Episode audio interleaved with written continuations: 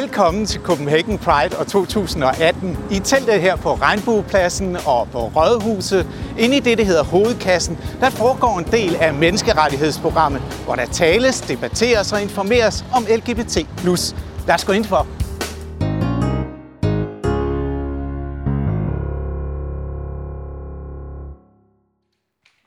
Tak for det. Øhm, og med mig i panelet her, eller det vil sige ikke med mig i panelet, for jeg er jo sådan set ikke en del af panelet. Jeg er som sagt bare moderator.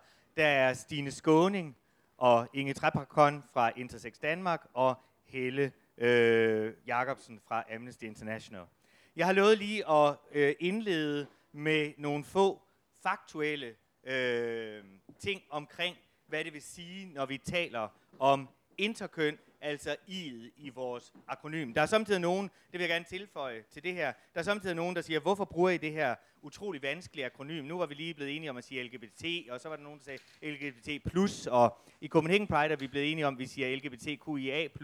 Øh, og, øh, og det er jo kompliceret, og så skal man stå og forklare. Og ja, det skal man. Og det er faktisk en, for os at se en vældig god idé, fordi når folk kommer hen og siger, jamen hvad står I for, og hvad står A'et for, så giver det os en anledning til at i tale sætte nogle mennesker, som ellers er usynlige. Øh, og der er faktisk lagt op til en dialog, så derfor er det sådan, kan man sige for os, sådan lidt stedigt, at vi bliver ved med at insistere på at nævne mange bogstaver i akronymet. Fordi hvis vi piller bogstaver ud og samler en hel masse, kan man sige, minoriteter i minoriteten under sådan et usynlighedsplus, så gør vi jo faktisk det, der i forvejen er for lidt synligt, endnu mere usynligt. Og det synes vi ikke, vi er sat i verden for at gøre.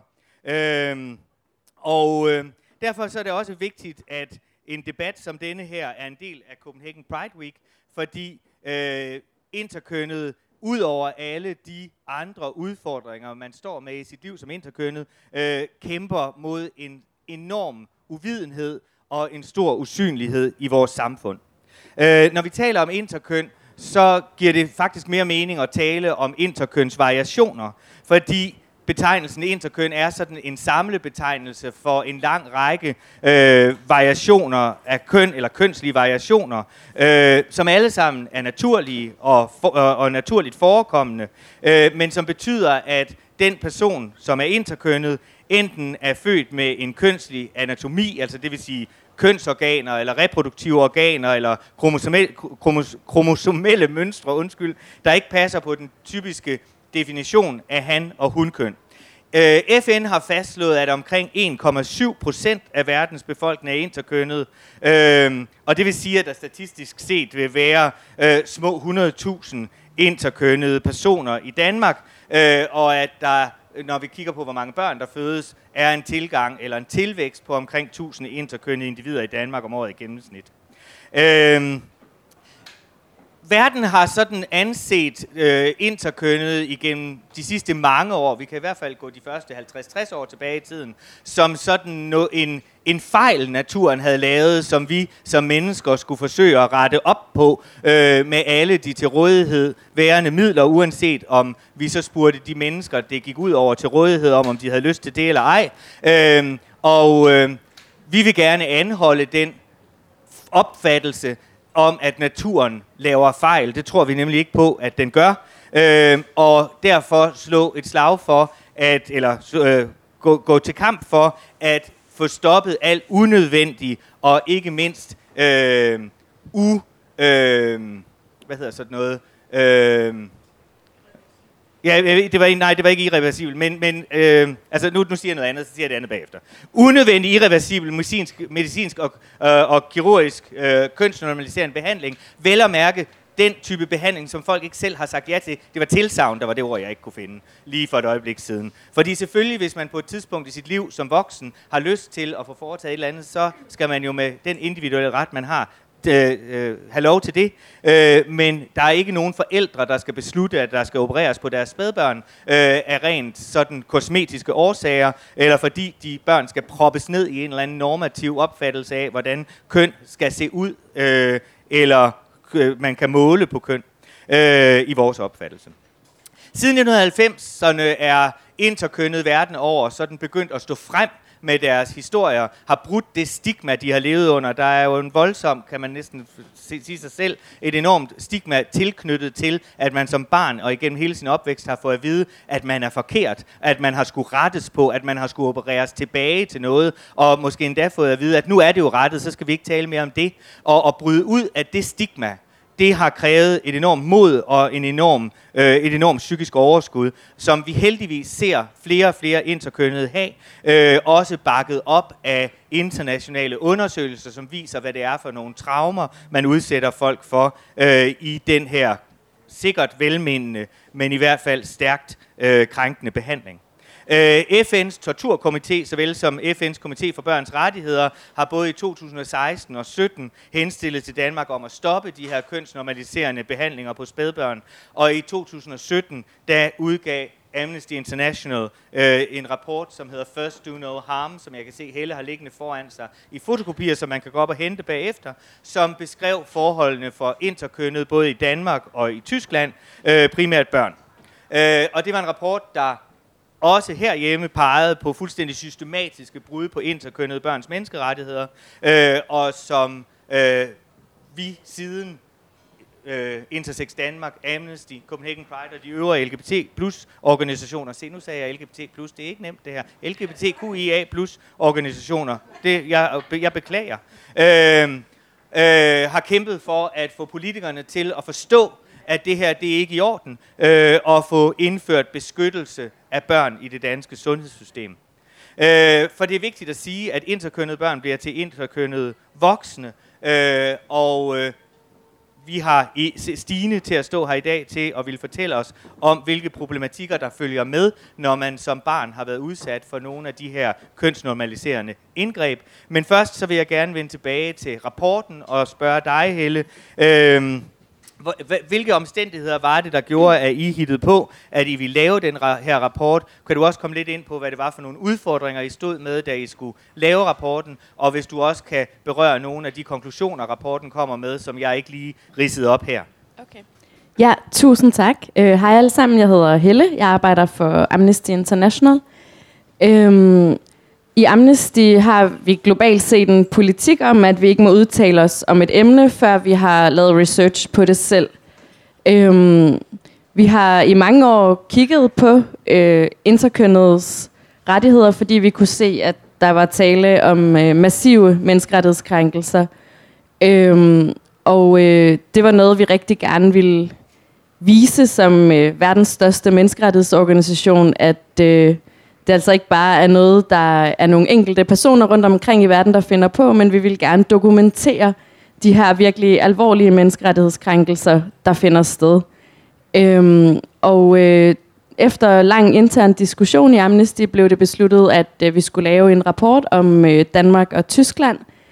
Øhm, og det handlede ikke nødvendigvis om, at Danmark og Tyskland er de værste lande i verden, men at der også er nogle øh, virkelig alvorlige øh, krænkelser i øh, Danmark og Tyskland, og så havde vi et håb om, nu kan jeg se et ret naivt håb om, at øh, Danmark jo er et land, der ser sig selv som værende meget progressivt på ligestilling, køn og LGBTI-rettigheder, så vi havde et håb om, at vi også ville kunne rykke øh, nogle ting på det her område i Danmark, og at det måske ville kunne skabe en eller anden dominoeffekt øh, ned i andre lande i øh, Europa. Men øh, for mig var det også et øh, ret nyt område, da vi startede med at lave research på det i 2016. Øh, normalt bruger Amnesty 3-6 måneder på at lave research til en rapport. Og øh, vi endte faktisk med at bruge tæt på halvandet år på at lave research til den her rapport. Øhm, og det er nok i virkeligheden et ret godt billede på øh, hele området, fordi at øh, jeg har i hvert fald aldrig oplevet før, at det var så svært at få informationer og data og dokumentation fra danske myndigheder. Øhm, Inger og Stine havde godt nok forsøgt på at advare mig om det, men helt ærligt, så troede jeg ikke helt på det. Øhm, og det skal lige siges, at øh, rapporten er lavet i meget tæt samarbejde med Intersex Danmark og med den internationale Intersex-organisation OII, og selvfølgelig med Intersex-organisationer i Tyskland. Og ellers ville det heller aldrig nogensinde have kunne lade sig gøre at lave rapporten. Øhm, men jeg kan huske noget af det første, vi gjorde, det var at skrive til øh, læger på Odense Universitetshospital, Rigshospitalet og Skype Universitetshospital. Fordi at, øh, at det er de tre steder, øh, efter hvad vi kunne se, der øh, behandler øh, interkønnede børn og voksne. Og øh, der var ingen af lægerne på de her tre hospitaler, der ville mødes med os. Jeg har jo aldrig nogensinde før prøvet at blive afvist, af, i hvert fald som repræsentant for Amnesty, danske myndigheder. Ej, okay, det passer faktisk ikke. Inger Støjberg har sagt nej til at mødes med os. Men udover det, øhm, har jeg ikke oplevet det. Øhm, og de skrev faktisk altså sådan ret øh, uhøflige mails tilbage, nogle af de her overlæger. Øhm, og hvorfor Amnesty overhovedet skulle blande sig i det her. Vi var jo ikke læger og alt muligt. Øhm, så vi besluttede os for at sende et brev fra vores internationale generalsekretær i London til direktørerne på de her tre hospitaler. Og så gik der rimelig kort tid, inden at øh, jeg blev ringet op på min mobil, og vi fik de her interviews med øh, de her overlæger. Øhm, men det var i sig selv øh, et tegn på, at, at det var det rigtige emne, vi havde valgt, fordi at, øh, det var helt tydeligt, at myndighederne overhovedet ikke havde lyst til, at Amnesty skulle have adgang til den her information. Og det var det samme med Sundhedsstyrelsen og Sundhedsdatastyrelsen. Vi har jo CPR-nummer i Danmark, så alt bliver jo registreret, øh, men det var virkelig, virkelig svært at få adgang til tal og datamateriale. Og de tal, vi så fik, var nogle helt andre tal, end dem Intersex Danmark havde fået. Øhm, og, øh, men det gik, det gik langsomt fremad, og noget af det, som var virkelig skræmmende, var, at de her overlæger i ledende stillinger, øh, og med rigtig meget magt og autoritet, øh, de skjulte ikke engang, at de udfører operationer og kønsnormaliserende hormonbehandling. Øhm, og øh, de synes også, at det var det rigtige at gøre. Øhm, så på den måde var det muligt at dokumentere, at de her behandlinger foregår i Danmark. Øh, både hormonbehandlinger og operationer. Øhm, og det er jo virkelig, virkelig rystende. Jeg har set fra transarbejdet, øh, hvor tungt et system sundhedssystemet er at rykke. Sådan virkelig konservativt, gammeldags system, øh, hvis autoritet det er rigtig, rigtig, rigtig svært at udfordre. Jeg kan faktisk huske, øh, det første interview, vi lavede, var på Skyby øh, sygehus sammen med vores internationale researcher fra London, og øh, det første lægerne spurgte os om, var, om vi var læger, og da vi så sagde nej, og vi havde sådan juridisk, samfundsvidenskabelig baggrund, så var der en læge, der rejste sig op og gik ud og nægtede at tale med os. Øhm, så det var ligesom sådan det niveau, vi var på. Øhm, så, øh, så jeg vil sige, det har været en rapport, det har været helt vildt svært at skrive og svært at lave. Øh, men nok en af de vigtigste rapporter, jeg har været med til at lave i mine 10 år øh, hos Amnesty, fordi at Amnesty var den første mainstream menneskerettighedsorganisation, som udgav dokumentation øh, på det her område.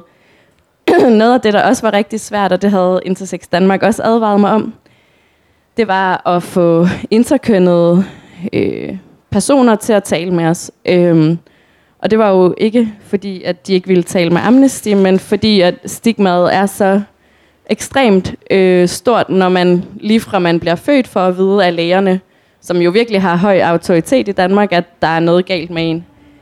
Øhm, så det brugte vi også rigtig, rigtig meget tid på sammen med Intersex Danmark. Øhm, vi talte også med forældre til interkønnede børn, og øh, det var også rigtig svært, fordi at øh, alle forældre gør jo det, de synes, der er bedst for deres barn, men her sad vi og sat spørgsmålstegn ved nogle af de beslutninger, som de her forældre øh, havde taget. Der var en mor, som øh, midt i et interview begyndte at græde og lagde telefonen ned og sagde, at hun kunne ikke snakke med Amnesty mere, fordi at øh, vi fik hende til at tvivle på, om det havde været den rigtige beslutning at få øh, hendes barn øh, opereret. Øhm, ja, så... Øhm, og så vil jeg sige, efterfølgende øh, er det også gået op for mig og for Amnesty, at øh, det også er rigtig vigtigt at kigge på interkønnede voksnes menneskerettigheder, fordi de også oplever en bred vifte af krænkelser.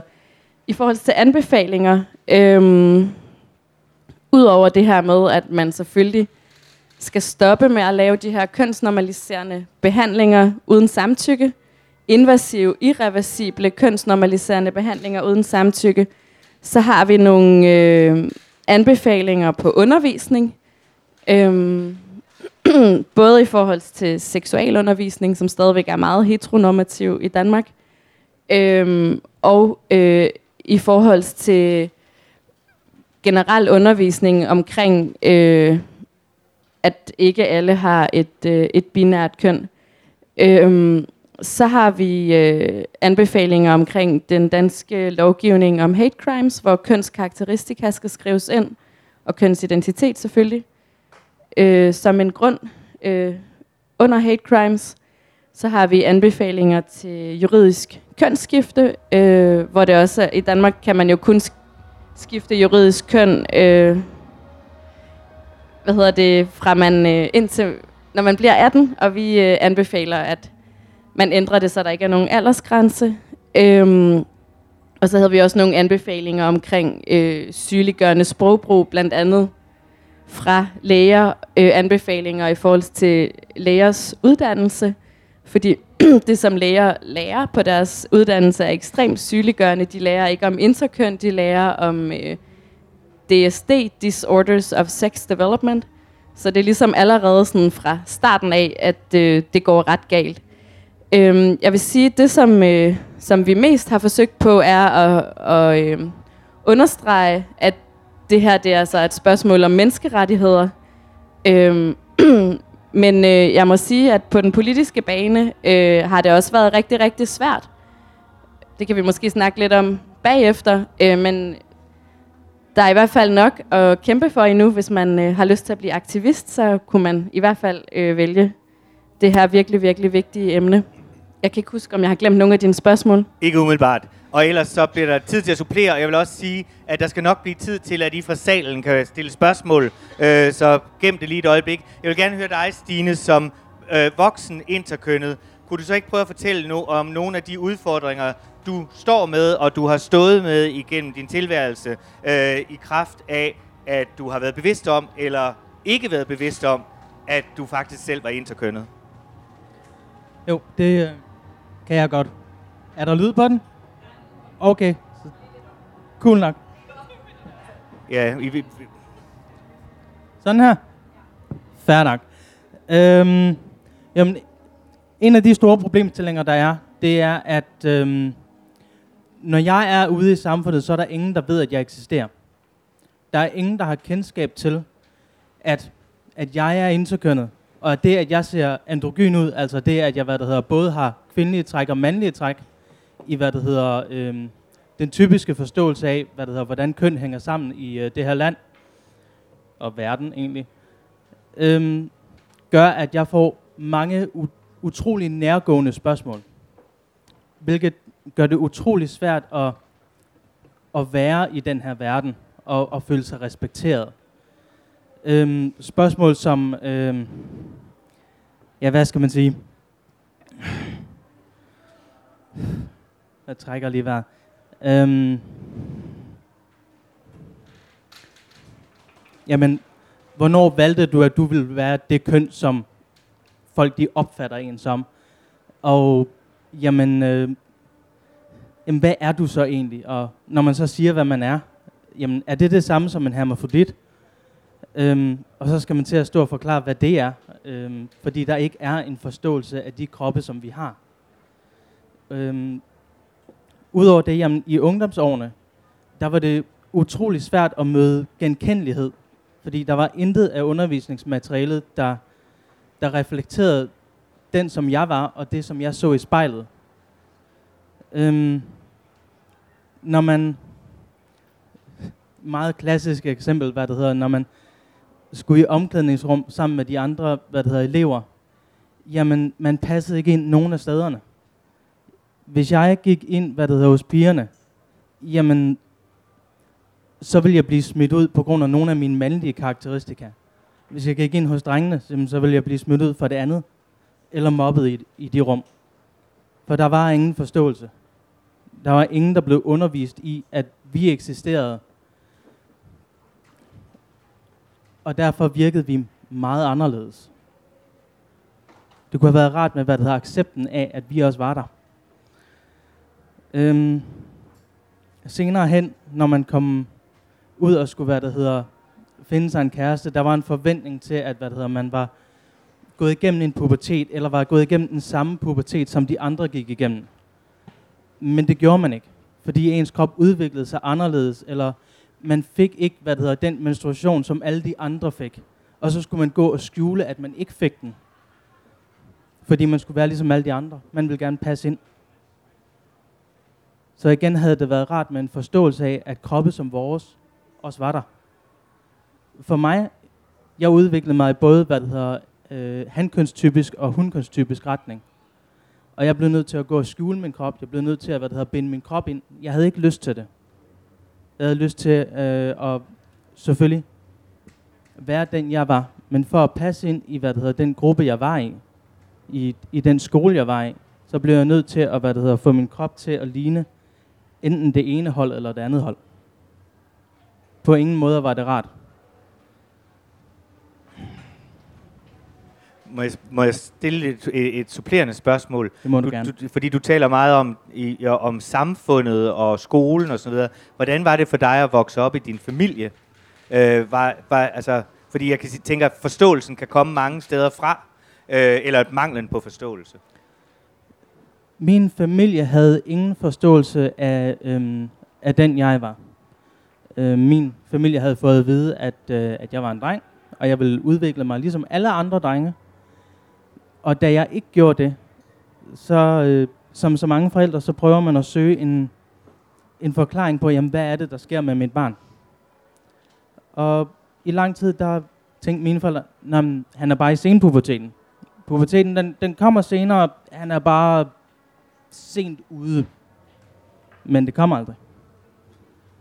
Og senere hen, da jeg søgte om hjælp til at øh, gå igennem en pubertal udvikling, Nøm, fordi jeg ikke ønskede det, som mine forældre gerne ville for mig, som var deres drøm, og hvad det hedder, altså den plan, som alle forældre egentlig har omkring deres børn, hvor de tænker, ja, ja også det, hvad det hedder, lægerne havde sagt om, at jeg var en dreng, og jamen, det var den rejse, jeg ville tage på.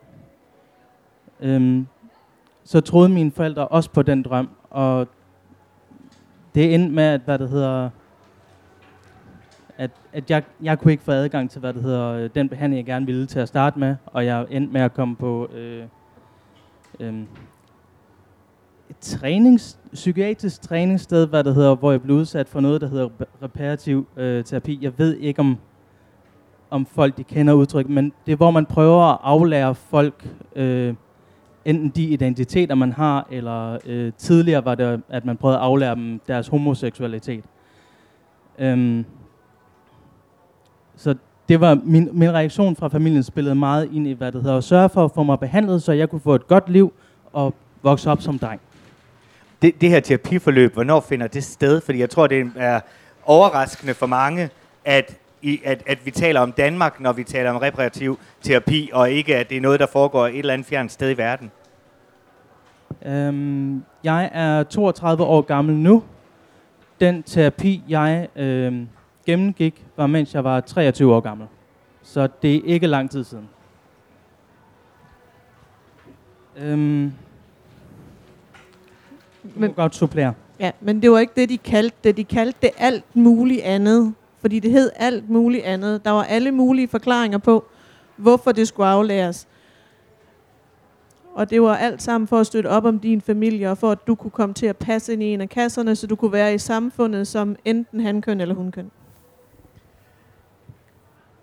Dit møde med sundhedssystemet, kan du, kan du sætte nogle ord på det? Altså en ting er terapien, og den vil, vi, den vil jeg også gerne have, at du berører lidt mere. Altså det, det kunne være rart måske også at høre, hvad det var for nogle eufemismer, det her blev omtalt i. Eufemismer? Ja, altså hvor man siger noget, der lyder pænere, end det i virkeligheden er, fordi man ikke vil kalde det conversion therapy eller noget andet. Altså kalder man det en eller anden form for behandling, så det tager sig pænere ud i offentligheden, eller måske over for dine forældre.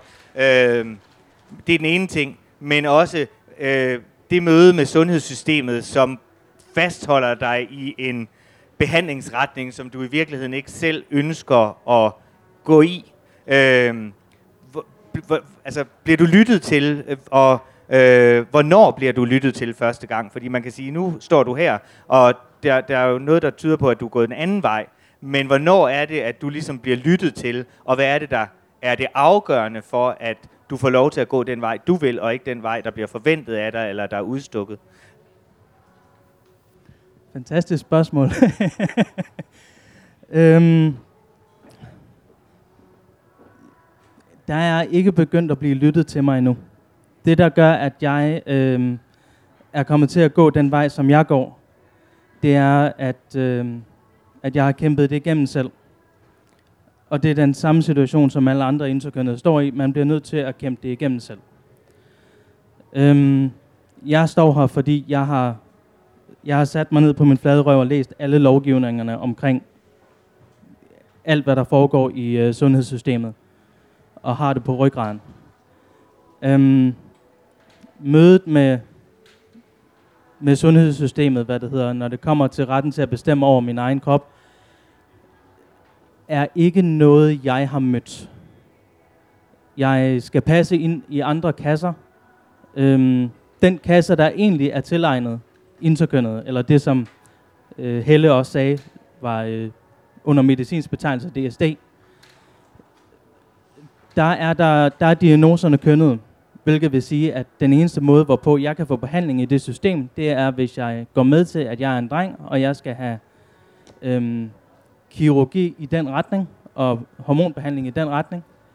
Øhm, og den mulighed øhm, er der ikke, så derfor vil vi blive overflyttet til, hvad det hedder, seksologisk klinik, der ikke har, hvad det hedder, specialet, og dermed ikke ved, hvad interkøn er. Og øhm, nu er jeg i det system, og jeg, jeg vil sige så meget, så det er mildest talt belastende, når man står over for, hvad det hedder, øhm, lægefagligt personale, som, som siger til en, jamen, vi ved virkelig ikke, hvad det hedder, hvad det er, vi snakker om her, men vores speciale er øhm, øh, transkønnethed, og vi kan behandle dig ud fra, at du er enten hankøn eller hunkøn. Det giver selv sagt sine problemer. Øhm, I det almindelige, hvad det hedder, møde med, med lægestanden, når det bare er den praktiserende læge, jamen der er det sådan noget som, hvis jeg bare skal ind til lægen for at få rådgivning om, skal, skal jeg have penicillin for en forkølelse, så får jeg nærtgående spørgsmål om, hvordan mit køn det hænger sammen. Om hvor langt ned af mine ben mine hår de vokser, og øh, hvor brede mine hofter de er. Øhm, og når jeg beder om at blive henvist til, hvad det hedder, nogle ting, der faktisk har noget at gøre, hvad det hedder med mit køn. Eksempelvis øh, producerer min krop ikke af sig selv øh, kønshormoner, så det skal jeg have tilført kunstigt, for ikke at få autoimmune sygdomme. Når jeg så bliver henvist til hospitaler for at få udredning for for eksempel knogleskørhed, så skifter de mit køn spontant alt efter, hvilken læge det er, der står der. Eksempelvis radiologen mente, at jeg var kvinde, fordi min knoglestruktur er på den måde. Men, hvad det hedder, hvad er det? Hormonlægetypen. Yes, endokrinologen. mente, at jeg var en mand. Hvilket giver to forskellige testresultater, når vores samfund er baseret på standarder ud fra hankøn og hunkøn. Så jeg ved ikke helt, hvad jeg skal gøre, og de har endnu ikke informeret mig om, hvad, det hedder, hvad man gør, når man har fået konstateret begyndende knogleskørhed. Så det er et eksempel fra en, en mere Konkret. Ja, mere konkret, og hvad det er noget, alle kan ligesom relatere til. Vi tager alle sammen til praktiserende læge på et eller andet tidspunkt. Inge, kan du prøve at uddybe nogle af de øvrige ting, I møder, når I rådgiver gennem Intersex Danmark transkønnet? Hvad er det for nogle andre, interkønnet, hvad er det for nogle andre øh, problematikker, folk henvender sig med, end, nogle, end dem øh, Stine har berørt her, som sådan mere generelle problematikker? Jamen, et af de problemer, som rigtig mange kommer til os med, øh, jamen, det er selvfølgelig den manglende forståelse ude i samfundet, men der er også rigtig mange, der kommer til os, fordi de har fundet ud af i en rimelig sen alder, at de faktisk er interkønnet. De har gået hele deres liv og troet, at de var hankøn eller hunkøn, og lige pludselig så har de enten været, fået en operation, og så er der fundet en livmor, som egentlig ikke burde være der, hvad nu det? Eller der er fundet testikler, og hvad handler det nu om? Eller der er nogen, der måske finder ud af, at øh, altså de er infertile og går til en undersøgelse for deres infertilitet, får taget en blodprøve, og pludselig viser det sig, at de har en, en kromosomvariation, og derfor er de infertile. De har en interkønsvariation på kromosomerne, der gør, at de er, at de er interkønnede. Ja. Og, øhm, og de kommer til os og siger, jamen, øh, hvad, hvad så nu? fordi lægerne siger, at vi er syge. Er vi syge? Og vi siger, nej, det er naturlig variation, men altså ligesom der er en... Øh, der er nogle ting, som... Øh, ligesom kvinder, og, og også nogle mænd selvfølgelig, men øh, primært kvinder får brystkræft. Den er knyttet til i, i vid udstrækning hundkøn eller livmorhalskræft. Den er i hvert fald knyttet til hundkøn i, i videst mulig omfang. Øh, så er der også nogle ting, der, der er knyttet til handkøn, altså prostatakræft. Så er der også nogle ting, der, der knytter sig til de forskellige interkønsvariationer. Og der er, der er nogle ting der, som, så, så du er ikke syg. Din interkønsvariation er ikke en sygdom, men du er i risikogruppe for nogle specielle sygdomme, alt efter hvilken interkønsvariation du har. Og det er vigtigt at skille det ad. Øhm, så er der selvfølgelig også spørgsmålet om, når man finder ud af, at man er infertil, jamen hvad så? Og spørgsmålet om, hvis man vil have børn, nogle interkønsvariationer er arvelige, hvad så? Øhm, og specielt det her med, jamen i dag, hvor vi lever i et samfund, hvor der er fosterdiagnostik, og det er en meget kraftig fosterdiagnostik, hvad, hvad så? Altså der er, så, der er rigtig, rigtig mange spørgsmål, folk kommer til os med. Og må jeg ikke lige sige, er det ikke rigtigt, at i, forbindelse med fosterdiagnostik, at der faktisk er tilladelse til ekstremt sene aborter øh, i Danmark på indikation af interkøn? Så hvis man har en formodning om, at fosteret er interkønnet, det vil sige har kønsorganer, der fysisk afviger fra, hvad man synes passer i et binært køn, så kan man få lov til at abortere det foster meget, meget sent i graviditeten. Jo, det er faktisk, øh, vi har helt op til øh, 26. uge, har vi øh, eksempler på, at fostre er blevet aborteret, og det er faktisk så langt hen i graviditeten, så de har været nødt til at give fosteret en giftsprøjte, for at slå fosteret ihjel, inden de aborterede fosteret. På grund af en interkønsvariation. Og det triste det er, at de læger, som egentlig står og behandler interkønnet, og som giver de her hormonbehandlinger og ting og sager, de siger, jeg kan slet ikke forstå det her, det er slet ikke nødvendigt. Men det foregår. Og det er også en af de ting, som rigtig mange mennesker, de ved ikke, det foregår. Og når vi går ud og skal fortælle om de her ting, og skal fortælle om, jamen alt det her, det foregår, så er der mange, der kigger på os og siger, jamen vi bor i Danmark. Og her har vi en tillid til, at hvis vi brækker en arm, så hjælper lægerne os. Hvis vi får en blindtarmsbetændelse, så hjælper lægerne os. Hvad skal få os til at tro på, når I siger, at der er faktisk situationer, hvor det lægerne gør, ikke er en fordel, men faktisk et problem. Det er rigtig, rigtig svært for os at få forklaret, og det er rigtig, rigtig svært for os at få politisk medhold i at få kæmpet de sager igennem. Og en anden problematik, som jeg forstår, det er også, altså det kan synes forbløffende, tror jeg, at nogen, eller at du fortæller, at der er mennesker, der først sent i livet opdager, at øh, de har været udsat for kirurgiske indgreb osv. Men en af udfordringerne er også, at når man opererer på de her spædbørn, og ret mig, hvis jeg tager fejl, at så bliver deres journal skrevet ind i morens journal, og det vil sige, selvom man søger journalindsigt i sine egne journaler på et senere tidspunkt, så fremgår det ikke af en sygejournal, og man har ikke ret til at få adgang til sin mors sygejournal. Er det korrekt? Det er korrekt. Vi har eksempler på folk, der har fundet ud af ret sent, at der har været noget, der, der er noget arvæv og noget, og, og, og pludselig så finder de ud af, jamen, hov, der er opereret på mig, og går ind og beder om en agtindsigt i deres journaler, der står ingenting. Og de finder så ud af, altså når de går deres forældre på klingen, jamen det er rigtigt nok, men det står i mors journal, fordi det var aldrig meningen, du skulle finde ud af det. Du skulle bare passe fint ind i den kasse, vi har valgt til dig. Der er lige to bemærkninger fra Stine og Helle, og så åbner jeg for, til, for, for spørgsmål fra salen. Helle først, og så Stine.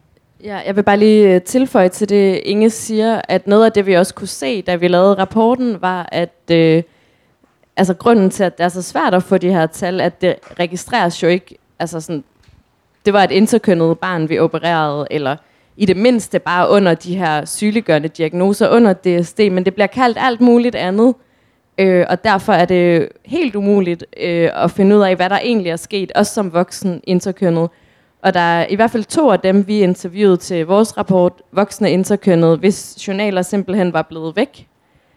Øhm, hvilket jeg også synes er ret vildt uh, i Danmark, at det kan ske. Og så bare super hurtigt, hvis man kigger på sådan menneskerettighederne og de øh, forpligtelser, vi har som Danmark, øh, i forhold til de konventioner, vi har ratificeret, øh, så er det altså sådan helt grundlæggende menneskerettigheder, voksne interkønnet får krænket.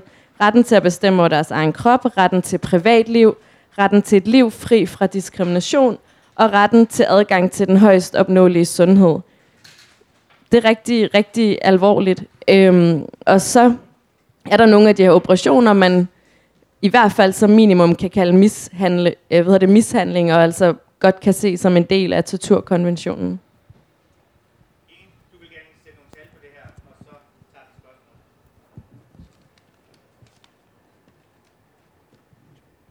Ja, øh, jeg vil sætte nogle tal på, og fordi vi af gode grunde ikke har nogen tal i Danmark på, hvordan det egentlig ser ud med, med voksne interkønnet, så vil jeg referere til en rapport, der blev udgivet i 2016 i Australien.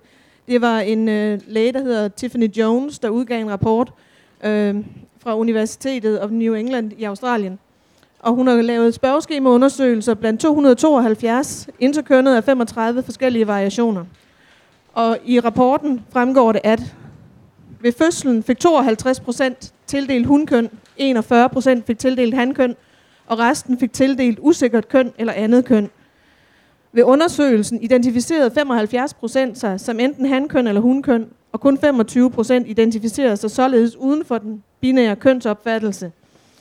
48 procent af personerne i rapporten identificerede sig som heteroseksuelle, 18 som homoseksuelle og 22 procent som biseksuelle, og hele 10 procent identificerede sig som aseksuelle. 18 procent af de interkønnede gennemførte ikke secondary school. Det er noget, der svarer til 9. eller 10. klasse i Danmark. Øhm, og landsgennemsnittet øh, var på 2 procent. Og de gav øh, mobning og medicinske interventioner i puberteten som årsag til, at de ikke havde gennemført skolen. 41 procent af de interkønnede tilhørte den laveste indkomstgruppe øh, og tjener så således øh, havde en, øh, en, en årsindkomst på under en fjerdedel af landsgennemsnittet. 3% brugte den, kun 3% brugte den kliniske term DSD om sig selv, når de talte med familie og venner. Men, de brugte, men 21% brugte den, når de henvendte sig i sundhedssystemet for at opnå det her, så de, var, de følte, at de havde behov for at sygeliggøre sig selv for at opnå behandling.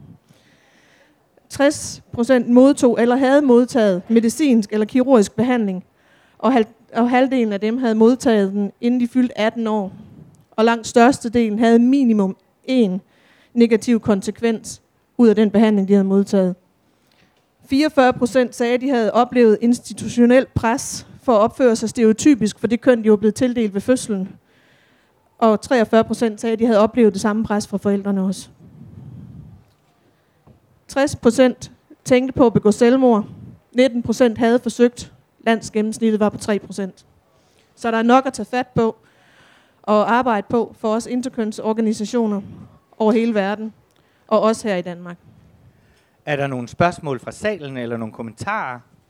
Så er det nu, ja, på første række. Du får lige min. Sig lige, hvad du hedder. Uh, jeg hedder Julia. Um, det er mest rettet mod uh, dig for Amnesty. Jeg kan ikke lige huske, hvad du hedder. Det var du undskyld. Helle. Um, har I mødt nogen reaktion fra myndigheder eller lignende på baggrund af jeres rapport? Uh, ja. Ja, det kan man da vist godt sige, vi har. øhm, altså, vi har jo øh, direktøren for Sundhedsstyrelsen, Søren Brostrøm, som øh, allerede måske var ret irriteret på Amnesty, tror jeg, fordi vi øh, udgav en rapport om transkønnedes adgang til sundhed og kørte en kampagne øh, med hashtagget sygt system. I kan se Nils her med t-shirten på, sammen med en kæmpe gruppe af mega seje transaktivister. Øh, og øh, det førte til, at han blev tvunget af sundhedsministeren til at lave nogle ændringer, som han ikke var så glad for. Men i hvert fald, øh, da vi udgav den her rapport, så øh, blev han faktisk rigtig sur. Øh, og øh, altså, ja, han har været ude at sige flere gange, øh, både i radio og på fjernsyn, at det er en dårlig rapport. Og øh, meget dårlig rapport, og at den er forkert. Men han har dog ikke sådan rigtig eksemplificeret det andet, når han har sagt, at Amnesty har totalt misforstået det her emne. Øhm, så øh, jeg, øh, vi har ikke brugt så meget tid på at lave lobbyarbejde i forhold til ham, fordi at det, det kommer der ikke noget ud af. Jeg vil sige, at øh, Amnesty og Intersex Danmark har jo talt med øh, både ligestillingsminister og sundhedsminister flere gange. Vi var indkaldt til et møde øh, to uger inden vi udgav rapporten. Det var dem, der inviterede os. Øhm, det var af dengang fungerende sundhedsminister Karen Ellemann, som øh, øh, havde en ret god forståelse og interesse i emnet, så der var vi egentlig sådan ret håbefulde ved at sige, en af de ting, vi anbefaler helt konkret, er, at Sundhedsstyrelsen laver retningslinjer for, at man altså ikke må lave de her operationer eller indgreb, med mindre øh, der er en medicinsk øh, grund til det. Altså ikke køn, men det må ikke være en kønsnormaliserende grund. Øhm, det er der ikke kommet endnu, men der er små fremskridt, vil jeg sige, fordi at øh, regeringen har lavet den her LGBTI-handlingsplan, og der er id der i det mindste på, og der er sat penge af til en konference, øh, som Amnesty og Intersex Danmark og Copenhagen Pride vil gøre alt, hvad vi kan for at hijacke, vil jeg sige. Øhm, så det ikke bliver lægerne og Sundhedsstyrelsen, der ligesom beslutter, hvad der skal snakkes om. Øhm, og så er der også sat nogle penge af til informationsmateriale til forældre, til interkønnede børn.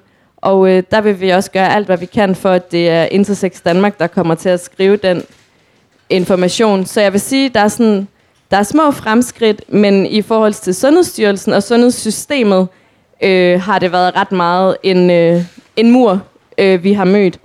Men øh, altså, der, har, der er små bevægelser, og jeg er sikker på, at vi nok skal komme derhen øh, med hjælp fra, fra alle jer. Øh, det kommer bare til at tage lidt tid. Ja, jeg hedder Bente, øhm, og jeg vil sige, jeg tror, Søren Brostrøm kommer til at lytte. Det tager måske lidt tid men det er jeg ikke i tvivl om. Øh, men tak for jeres indsats. Og tak for jeres indsats. Og jeg vil sige, vi har faktisk en dansk undersøgelse, som bekræfter i hvert fald nogen af, af Ingens tal fra Australien. Den er bare så hemmelig, at øh, det er en kvindelig læge, der har lavet en Ph.D.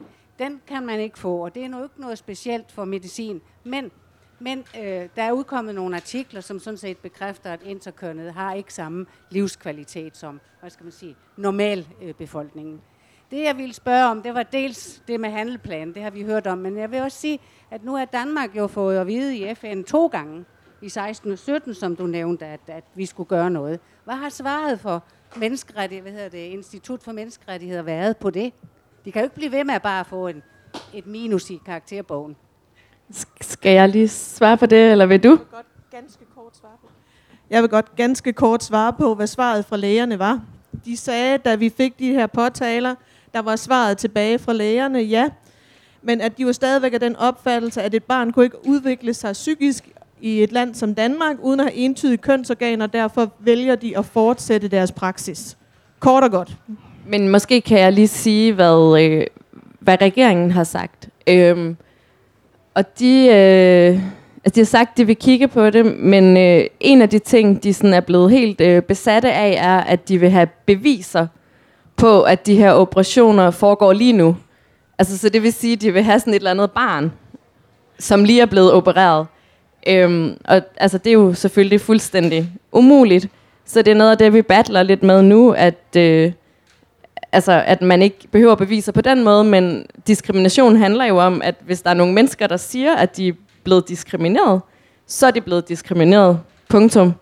Så det er sådan lidt der øh, den står lige nu. Og så spurgte du også om Institut for Menneskerettigheder. Ja, Øhm, jeg ved ikke, hvor de står nu, men jeg ved, da vi publicerede rapporten, der kunne de ikke bakke op om Amnesty og Intersex Danmarks anbefalinger, desværre. Øhm, det er jo rigtig ærgerligt, så jeg håber da, at de har ombestemt sig.